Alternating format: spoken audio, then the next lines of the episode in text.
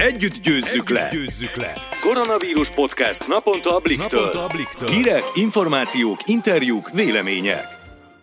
Sziasztok! Ez itt a Blik vírusiradó podcastje, április 1-én szerdán. Én Szabadfi Mónika vagyok. Én pedig Balázs Barnabás. Lássuk, milyen témákkal foglalkozik ma a vírusiradó. Beszélünk arról, hogy Olaszországban már akár májusban újraindulhat az élet, és kiderül az is, hogy itthon mely megyékben van legtöbb koronavírusos. Dr. Tiszeker Ágnes, a Magyar Antidoping csoport vezetője pedig elárulja, hogy az a sportoló, aki idén nem mehetett például eltiltás miatt az olimpiára, jövőre vajon ott lehet-e? Végül megtudhatjuk azt is, hogyan érinti a járvány az ingatlanpiacot. Vágjunk is bele. Olaszországban már látják az alagút végét, hogy akár már május első felében újraindulhat az élet. Legalábbis ezt a meglehetősen optimista becslést tette közzé egy neves római gazdaságkutató intézet. Az elemzők az olasz járványügyi adatokra támaszkodva készítettek egy valószerű forgatókönyvet arról, hogy melyik olasz régióban mikor fog lecsengeni a járvány. A legfertőzöttebb Lombardiában, ahol egyébként hétfőn még 1154 új beteget regisztráltak, a számítások szerint már április 22-én nem lesznek új megbetegedések. Ráadásul ez a kevésbé fertőzött Dél-Tirolban már akár jövő hét hétfőn is bekövetkezhet. Olaszországban egyébként már a kezdetektől fogva nagyon részletes adatokat közölnek a fertőzöttekről, még települési lebontást is találni. Nálunk eddig a területi megoszlásról szinte semmit nem lehetett tudni,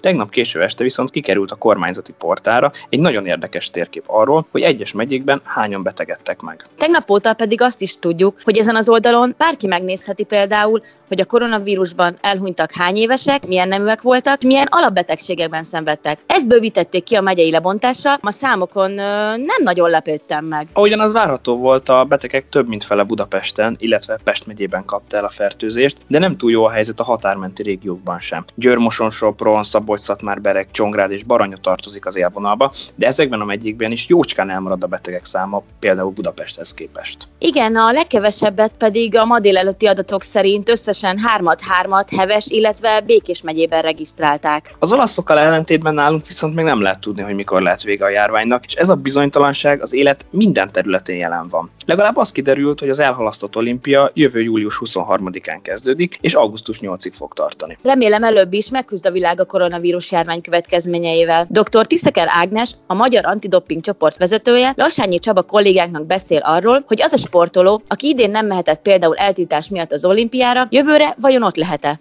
Blik, blik, első kézből. Vendégünk Tiszeke Ágnes, a Magyar Antidoping csoport vezetője, kivel az olimpia halasztásával kapcsolatban felmerült kérdésekről beszélgetünk. Mi legyen azoknak a sportolóknak a sorsa, akik egyébként nem szerepelhettek volna doping eltiltás miatt Tokióban, így viszont lejárna az eltiltásuk és lenne a lehetőségük papíron. Önnek mi az álláspontja? Köszönöm szépen a megkeresést és üdvözlöm a hallgatókat. Travis Tiger, az usa az amerikai doping ellenes szervezetnek a, az igazgatója ezt a kérdést már meg megpróbáltam megválaszolni, ugye ő is ezt mondta, hogy nagyon nehezményezi, hogy ezzel, hogy 21-re átkerült technikailag a 2020-as olimpiának a lebonyolítása, ezzel tulajdonképpen, mondja ő, ugye azok, akiknek még nem járt le volna az olimpia ideje alatt az eltiltása, de 21-ben már lejár, ott lehetnek az olimpián, és ez nyilván neki ez így nem tetszik, és úgy érzi, hogy ez, ezzel sokan nyernek, ha szabad ezt így fogalmazni. Én nem értek teljesen egyet Travis tiger én azt gondolom, gondolom, hogy sem a VADA kódex, sem a,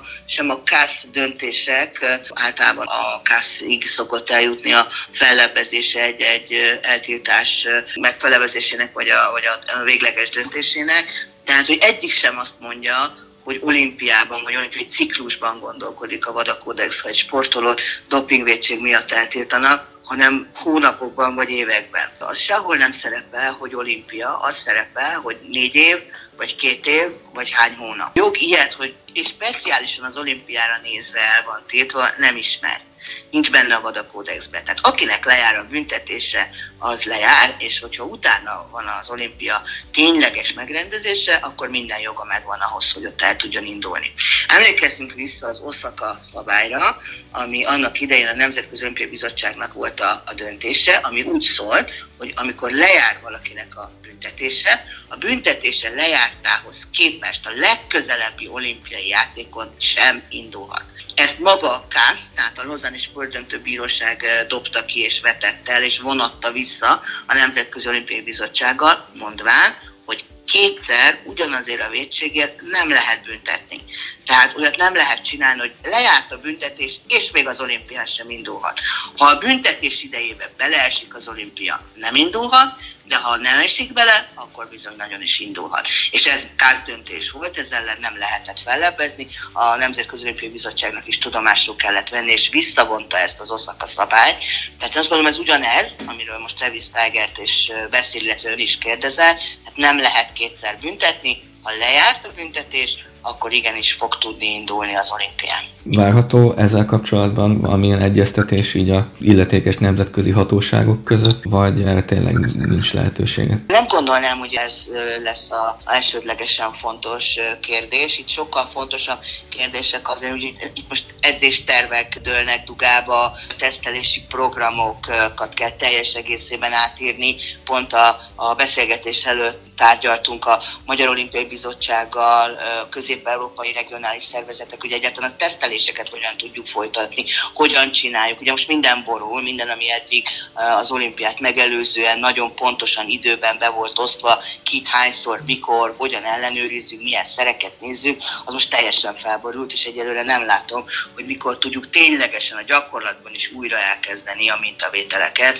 Szeretnénk minél előbb, de hát ahhoz folyamatosan egyeztetni kell a, a járványügyi szakértőkkel, hogy mikortól biztonságos, biztonságos a sportoló számára is, meg a doping ellenőr számára is. Tehát ezek most sokkal fontosabb és, és égetőbb kérdések. Még egy megjegyzést hagyd tegyek, amit szintén az amerikai doping szervezet elnöke nyilatkozott. A VADA Kódex 2021. január 1-én lép hatályba, tehát hogy majd abban lesz lehetőség akár ezt a kérdést is rendezni, tehát hogy indulhat az olimpián vagy nem. Én azt gondolom, hogy ez nem így van. A VADA Kódex az 2021. január 1-én valóban életbe fog lépni, de ennek a kódexnek a szövegét két évig egyeztették az egyes szervezetekkel, dopingel szervezetekkel, sportszövetségekkel, nemzetközi sportszövetségekkel, sportolói bizottságok, magunkkal. Ez egy két éves munka volt, ez 19 novemberében Katowicében közgyűlés fogadta el, tehát közgyűlési felhatalmazás kell ahhoz, hogy a kódexnek a szövegét megváltoztassák. Arra én nem látok esélyt, hogy most közgyűlést hívjon össze a vada. Abban nem lehet csak így belejavítani, vagy új pontokat beletenni a kódexbe, vagy csak úgy módosítani, akár a 21-ben megrendezésre került 20-as olimpiára való tekintette,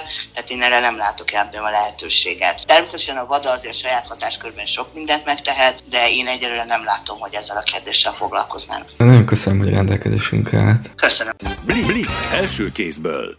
Köszönjük a hasznos információkat dr. Tiszeker Ágnesnek. A következő beszélgetésből kiderül, a járvány milyen hatása van az ingatlanpiacra és az albérletárakra. Balog Lászlót, az ingatlan.com vezető gazdasági szakértőjét kérdeztem. Üdvözlöm, köszönöm szépen, hogy elfogadta meghívásunkat. Üdvözlöm, és üdvözlöm a kedves hallgatókat is. Kutatások szerint az elmúlt években nemzetközi összehasonlításban is jelentősen nőttek az albérletárak, részben a rövidtávú lakáskiadásnak, az Airbnb-nek köszönhetően. A turizmus bedőlése hatással volt erre a jelenségre, illetve magára az albérletpiacra? Az albérletárak az elmúlt négy évben valóban folyamatosan emelkedtek, gyakorlatilag megduplázódtak, ami egyébként hasonló tendencia, mint amit a lakásadásvételi áraknál tapasztaltunk, ott is főleg a nagyvárosokban, illetve Budapesten duplázódtak az ingatlan árak az elmúlt 4-5 évben. Ami viszont a koronavírus megjelenésével megváltozott, az az, hogy lecsökkent a kereslet az eladó és valamennyire a kiadó ingatlanok iránt is, Viszont a kínálat teljesen másként változott az eladó és a kiadó lakáspiacon. A kiadó lakások sokkal kevésbé estek vissza, legalábbis ami a friss kínálatot illeti, hiszen a, a frissen feladott magán személyek által és az ingatlanközítők által feladott hirdetések számában a kiadó lakások inkább bővülést mutattak, az eladóké pedig csökkent. Ez egy ilyen helyzetben teljesen természetes folyamat, eleve az, hogy az érdeklődések gyakorlatilag a felére estek vissza, annak köszönhető, hogy most mindenki a saját maga és a családja biztonságára fordítja nagyon helyesen az elsődleges figyelmet, és az ingatlannal kapcsolatos döntések, meg a lakhatással kapcsolatos kérdéseket valószínűleg most nagyon sokan fogják elhalasztani, de az látszik, hogy az élet nem áll meg a piacon, és az ingatlanok terén is van még mozgolódás. A rövidtávú lakáskiadás különösen érzékenyen érintette a turizmus visszaesése, főleg a külföldi turisták elmaradása volt az, amit először megéreztek a lakástulajdonosok, legalábbis azok a befektetők, akik az ingatlanjaikat főleg a belvárosban vásárolták. Itt tipikusan az 5., 6., 7. kerület Budapesten az, ahol a legtöbb rövidtávra kiadó lakás található. Jelenleg is egyébként Budapesten több mint 11.400 olyan ingatlan van a kínálatban, amit rövidtávra kínálnak fel a tulajdonosok bérbeadásra. Gyakorlatilag egyik napról a másikra elestek a bevételeiktől, a foglalásokat folyamatosan visszamondták a külföldi vendégek, és azzal, hogy üressé váltak az ingatlanok, ők nem csak hogy a bevételeiktől estek el, hanem mivel a vendégek számától függetlenül a rezsiköltségeket, a közös költségeket ki kell fizetni, ezért sokan döntöttek úgy, hogy az amúgy rövid távra kiadó lakásaikat most a hosszú távú bérleti piacra töltik vissza, és ez az albérletek árában is megmutatkozott. Milyen mértékben ö, csökkentek az albérletárak a kínálat növekedésével? Ha kellően messziről nézzük az albérletpiacot, és külön vesszük Budapestet, illetve a többi nagyvárost, akkor azt lehet mondani, hogy a többi nagyvárosban nem nagyon láttunk még az elmúlt két hétben elmozdulást az árakban, legalábbis ami az átlagos bérleti díjakat illeti. És Budapesten is, hogyha a nagy budapesti átlagot nézzük, akkor körülbelül 165 ezer forint a havi átlagos bérleti díj, amit a tulajdonosok kérnek egy-egy kiadó lakásért. Viszont, hogyha a kínálat alakulását és az, az elvárt hirdetési árak árakat megnézzük kerületi bontásban, akkor ott nagyon szépen kirajzolódik az, hogy a rövidtávú lakáskiadói piacról a hosszú távú bérbeadásra átálló tulajdonosok által feladott hirdetések kínálata az az árakat is nagy mértékben csökkentette. A belső kerületekben, tehát az 5., 6., 7. kerületben akár 5-10 ezer forinttal is csökkentek két hét alatt az átlagos havi bérleti díjak. Az 5. kerületben 230 ezer forintról 220 ezer forintra, a 6. kerületben 195 ezer forintról 190 ezer forintra, a 7. kerületben pedig 155 ezer forintról 150 ezer forintra csökkentek az albérletek havi átlagos bérleti díjai. Ez önmagában még nem egy olyan nagy számot tevő csökkenés, de hogyha figyelembe vesszük azt, hogy az összes kiadó lakás tekintetében ment végbe két hét alatt, akkor azért ez egy elég erős tendenciát jelez előre, ami akár nagymértékű albérletáresést is előre jelezhet, akár 10-20%-kal is csökkenhetnek ezekben a belső körletekben a lakások bérleti díjai. Mivel az idő is hajtja azokat a tulajdonosokat, akiknek üresen áll a lakásuk, ők már biztos, hogy olyan áron fogják ezeket meghirdetni, amiért kiveszik a bérlők. Pont a 100 ezer forint, vagy annál kevesebb bérleti díjjal meghirdetett ingatlanok száma nőtt a legnagyobb mértékben.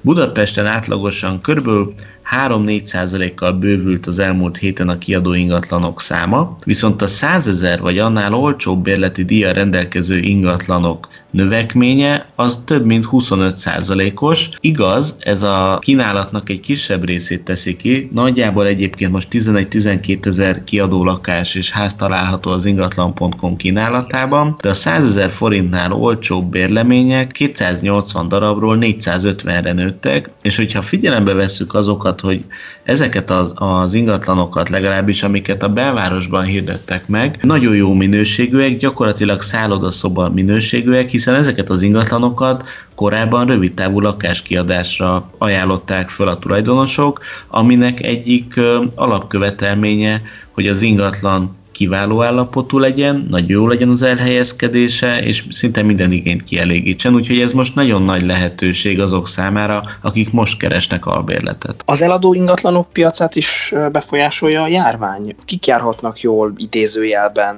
a vírussal, az eladók vagy a vevők? Most mindenképpen a vevőknek áll az zászló, ez azt jelenti a gyakorlatban, hogy már tavaly nyár óta csökken a vevők száma a lakáspiacon, és itt ez nem csak a budapesti lakásvásárlókra igaz, hanem a nagyvárosokban is enyhén elkezdett csökkenni a vásárlók száma. Ennek több oka van. Egyrészt az, hogy már az elmúlt 4-5 évben éves szinten a nagyvárosokban és Budapesten átlagosan 20-25%-kal drágult az ingatlanoknak az értéke, Teljesen egyértelmű, hogy ezt sokkal tovább nem mehetett már, ennek előbb-utóbb vége kellett, hogy szakadjon. Másrészt pedig ugye nagyvárosokban és Budapesten a befektetők is igen aktívak voltak, részesedésük a vásárlók közül akár 30%-ot is kitett, és tavaly nyáron a prémium államkötvény bevezetésével a befektetők számára ilyen magas árak mellett már nem feltétlenül érte meg újabb ingatlant venni, ezért nagyon sokan elpályáztak a lakáspiacról, ami megnövelte a saját célra vásárlók arányát, viszont összességében kevesebb vevőre hagyatkozhatott az, aki eladta a lakását. A koronavírus megjelenésével, hogyha például ingatlant kell megtekinteni, vagy egy lakást kell megnézni. Ezeket a lépéseket valószínűleg későbbre halasztják azok, akiknek aktuális lenne a vásárlás, vagy gondolkoztak ingatlan vásárlásban, ami pedig az eladókat hozza nehezebb helyzetbe. Az eladók egy része megteheti azt, hogy nem hoz most döntést, inkább ő is majd később hirdeti meg eladásra a lakását vagy a házát, viszont vannak nagyon sokan azok közül, akik már elindítottak egy költözési folyamatot, tehát például két-három-négy héttel ezelőtt már lefoglalóztak egy lakást, kifizették rá a 10%-os foglalót, vagy előszerződést kötöttek, és a vételár hátralevő részét a következő két-három hónapban kell kifizetniük. Na most ők vagy úgy döntenek, hogy visszalépnek attól a szerződéstől, és bukják a 10%-os összeget, vagy ha nem is bukják, mert tulajdonképpen itt viszmajor helyzet áll fönt, azért egy jó lakást és, egy, és a következő otthonunk kiválasztása azért az egy hosszú folyamat, tehát nagyon sokan vannak, akik nem szívesen mondanának le arról az ingatlanról, ezért nekik nincs más választásuk, mint meg kell hirdetniük eladásra a lakásukat. Ebben viszont sokkal kevesebb vevőre tudnak számítani, hogy ezt valóban sikerrel tudják értékesíteni. Óriási nagy és általános áresésre még nem látunk példát, tehát nem lehet azt mondani, hogy az eladó lakások árai is most nagyon bezuhantak volna, viszont az alkalmi vételeknek a lehetősége biztos, hogy megnő, hiszen az, aki valóban el kell, hogy adja az ingatlanát, ő minden ajánlatot meg kell, hogy hallgasson, és tekintettel arra, hogy a vevők és az eladók is úgy tekintenek erre a helyzetre, hogy ez egy átmeneti állapot, ami azt jelenti, hogy két-három hónap múlva akár újra elindulhat az élet, és fél év múlva pedig már valószínűleg vissza, visszállnak a régi kerékvágásba a dolgok. Emiatt gyakorlatilag az eladók sem szívesen adnak árengedményt látatlanul, úgy, hogy valójában az ő eladási szándékük is valamelyest csökken. Köszönöm szépen, hogy megosztotta velünk a tanácsait és az előrejelzéseit. Köszönöm szépen. Blik, Blik első kézből. Köszönjük, hogy ma is velünk tartottatok, várunk titeket legközelebb is a Blik vírus iradóban. Sziasztok! Sziasztok!